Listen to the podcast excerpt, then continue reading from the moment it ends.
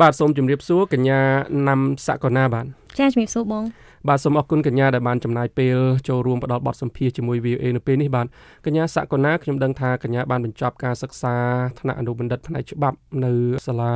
Georgetown ក្នុងរដ្ឋធានី Washington នេះកញ្ញាអាចបញ្ជាក់ជូនលោកអ្នកនាងយើងបន្តិចបានទេថាហេតុអីបានជាកញ្ញាចាប់អារម្មណ៍ផ្នែកច្បាប់ហើយបានមករៀនដល់សហរដ្ឋអាមេរិករហូតដល់បញ្ចប់ការសិក្សានេះបាទចាបងអឺ ប៉ុន្តែមុនខ្ញុំមករៀននៅសាកលវិទ្យាល័យ Georgetown សហរដ្ឋអាមេរិកហ្នឹងខ្ញុំបានបញ្ចប់ការសិក្សាថ្នាក់បញ្ញាបត្រផ្នែកច្បាប់នៅសាកលវិទ្យាល័យភូមិន្ទនីតិសាស្ត្រនិងវិទ្យាសាស្ត្រសេដ្ឋកិច្ចហើយអឺខ្ញុំក៏បានរៀនសញ្ញាបត្រផ្នែកបញ្ញាបត្រអប់រំអង់គ្លេសនៅវិទ្យាសាស្ត្រភាសាបរទេសផងដែរអញ្ចឹងមុនហ្នឹងខ្ញុំធ្វើការជាជំនួយការផ្នែកច្បាប់រយៈពេល1ឆ្នាំកន្លះហើយបានខ្ញុំដាក់អាហារូបករណ៍ហើយខ្ញុំជាប់អាហារូបករណ៍ Fulbright ពីស្ថានទូតអាមេរិកនៅប្រទេសកម្ពុជាហ្នឹងហើយខ្ញុំបានមកសិក្សានៅនឹង បាទខ្ញុំដឹងថាកញ្ញាសកណានឹងមកពីខេត្តកញ្ចេះបាទហើយនិស្សិតស្រីនៅក្នុងប្រទេសកម្ពុជាយើងភាគច្រើនអ្នកនៅខេត្តហ្នឹងមិនសូវជាមានឱកាសក្នុងការមកសំបីតែរៀននៅទីក្រុងភ្នំពេញកុំថាឡើយដល់បានអាហារូបករណ៍មកសិក្សានៅសហរដ្ឋអាមេរិកកញ្ញាអាចចែករំលែកបទពិសោធន៍នឹងបន្តិចបានទេធ្វើម៉េចទៅបានយើងអាចឈានរហូតមកដល់បានឱកាសមកសិក្សានៅដល់សហរដ្ឋអាមេរិកនេះបាទចាបងអឺនិយាយទៅ ការដែលយើងរស់នៅខេត្តខ្ញុំគិតថាវាមានបញ្ហាទី1គឺតកតងជាមួយនឹងភាសាអង់គ្លេសអញ្ចឹងជាទូទៅសិស្សនៅខេត្តភាសាអង់គ្លេសគាត់មានកម្រិតដោយសារគាត់អត់មានសាលាល្អគ្រូល្អដូចជាសិស្សនៅភ្នំពេញទេប៉ុន្តែខ្ញុំគិតថាអារឿងទាំងអស់ហ្នឹងវាមិនមែនជាកត្តាដែលបបាក់ទឹកចិត្តខ្ញុំឲ្យធ្វើការតស៊ូអញ្ចឹងជាទូទៅខ្ញុំមានក្តីសម័យមួយថាខ្ញុំចង់មករៀននៅស្រុកក្រៅអញ្ចឹងទោះបីខ្ញុំរៀននៅខេត្តក៏ដោយអញ្ចឹងយើងត្រូវព្យាយាមខ្ញុំព្យាយាមពង្រឹងខ្លួនឯងរហូតដល់ខ្ញុំមករៀនពេញខ្ញុំដឹងថាខ្ញុំចង់រៀនផ្នែកច្បាប់ អញ្ចឹងខ្ញុំ set goal មួយថាខ្ញុំឆ្លាញ់ខាងផ្នែកច្បាប់ហើយខ្ញុំចង់ challenge ខ្លួនឯងហើយអញ្ចឹងបានខ្ញុំចូលមករៀននៅសាលា rule សាលាភូមិនីតិសាស្ត្រនៃវិទ្យាសាស្ត្រសេដ្ឋកិច្ចហ្នឹងហើយខ្ញុំចាប់ផ្ដើមចូលប្រកួតតឡាការផ្នែកច្បាប់ចឹងខ្ញុំជាប់ខ្ញុំជាប់ជាបេក្ខជនតំណាងប្រទេសកម្ពុជានៅក្នុងការប្រកួតតឡាការផ្នែកច្បាប់ ហៅថា JSOP International Moot Court Competition ដែលខ្ញុំបានមកប្រកួតនៅទីក្រុង Washington DC ហ្នឹងនៅឆ្នាំ2014និង2015អញ្ចឹងអាបទពិសោធន៍មួយហ្នឹងវាជំរុញឲ្យខ្ញុំហ្នឹងគឺថាបន្ទាប់ពីខ្ញុំហ៊ានចប់បញ្ញាបត្រខ្ញុំចង់ហ៊ានបន្តទៀតខ្ញុំចង់បាន scholarship ខ្ញុំចង់បានខ្ញុំចង់មករៀននៅសហរដ្ឋអាមេរិកខ្ញុំបន្តទៀតអញ្ចឹងបានខ្ញុំចប់ហើយខ្ញុំចាប់ផ្ដើម start application process ហ្នឹងហើយយើងត្រូវ prepare ខ្លួនឯងតែ prepare ហ្នឹងមិនមែនថាតតែចប់ភ្លាមចាប់ផ្ដើមរៀបចំ application ហ្នឹងបានយើងចាប់ផ្ដើម prepare រៀបចំទេអ្វីអ្វីគឺយើងធ្វើតាំងពីយើងចាប់ផ្ដើមបញ្ញាបត្រមេអញ្ចឹងយើងចាប់ផ្ដើមយើងព្យាយាមឲ្យយើង get a good grade ហើយយើង involve ទៅ competition យើង involve ទៅលើសកម្មភាពសង្គម volunteer ជាងយើង build a strong background នៅពេលហ្នឹងទៅបន្ទាប់មកពេលយើងចប់យើង ready យើងមាន bachelor និងយើងចាប់ផ្ដើម start អាចថាយើងរកបទពិសោធន៍ការងារដូចខ្ញុំធ្វើការនៅ law firm អញ្ចឹងទៅយើងមានបទពិសោធន៍ការងារខ្លះហើយយើងមាន background ពី academic background ពីសាលាខ្លះអញ្ចឹងទៅយើង stand higher chance to get the scholarship បាទកញ្ញាអាចបញ្ជាក់បានទេថាឥឡូវ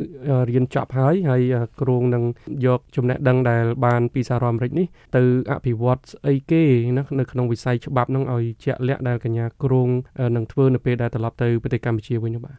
ចាអឺសម្រាប់ឥឡូវខ្ញុំគិតថា វាមានពីរចំណុចដែលខ្ញុំទៅវិញខ្ញុំអាចនឹងធ្វើ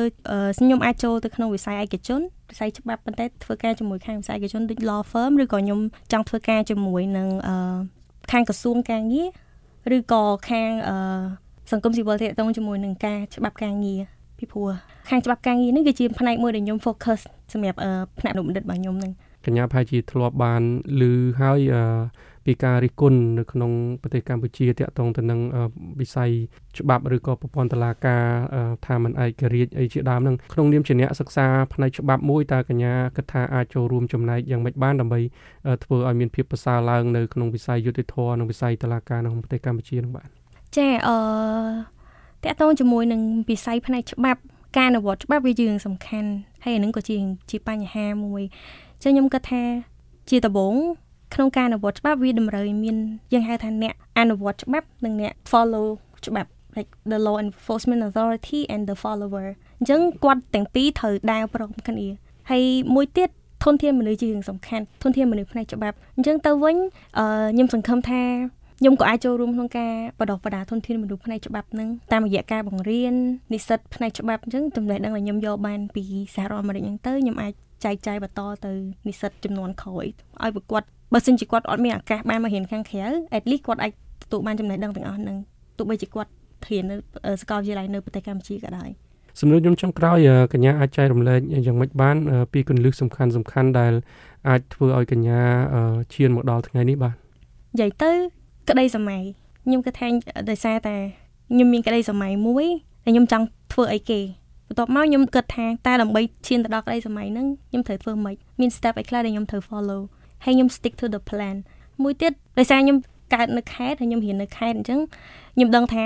ខ្ញុំអត់សូវមានឱកាសច្រើនដូចសិស្សនៅបំពេញទេប៉ុន្តែខ្ញុំអត់ឲ្យអានឹងវាមក discourage ខ្ញុំទេអញ្ចឹងគឺការតស៊ូព្យាយាមខ្លួនឯងយើងជួយខ្លួនឯង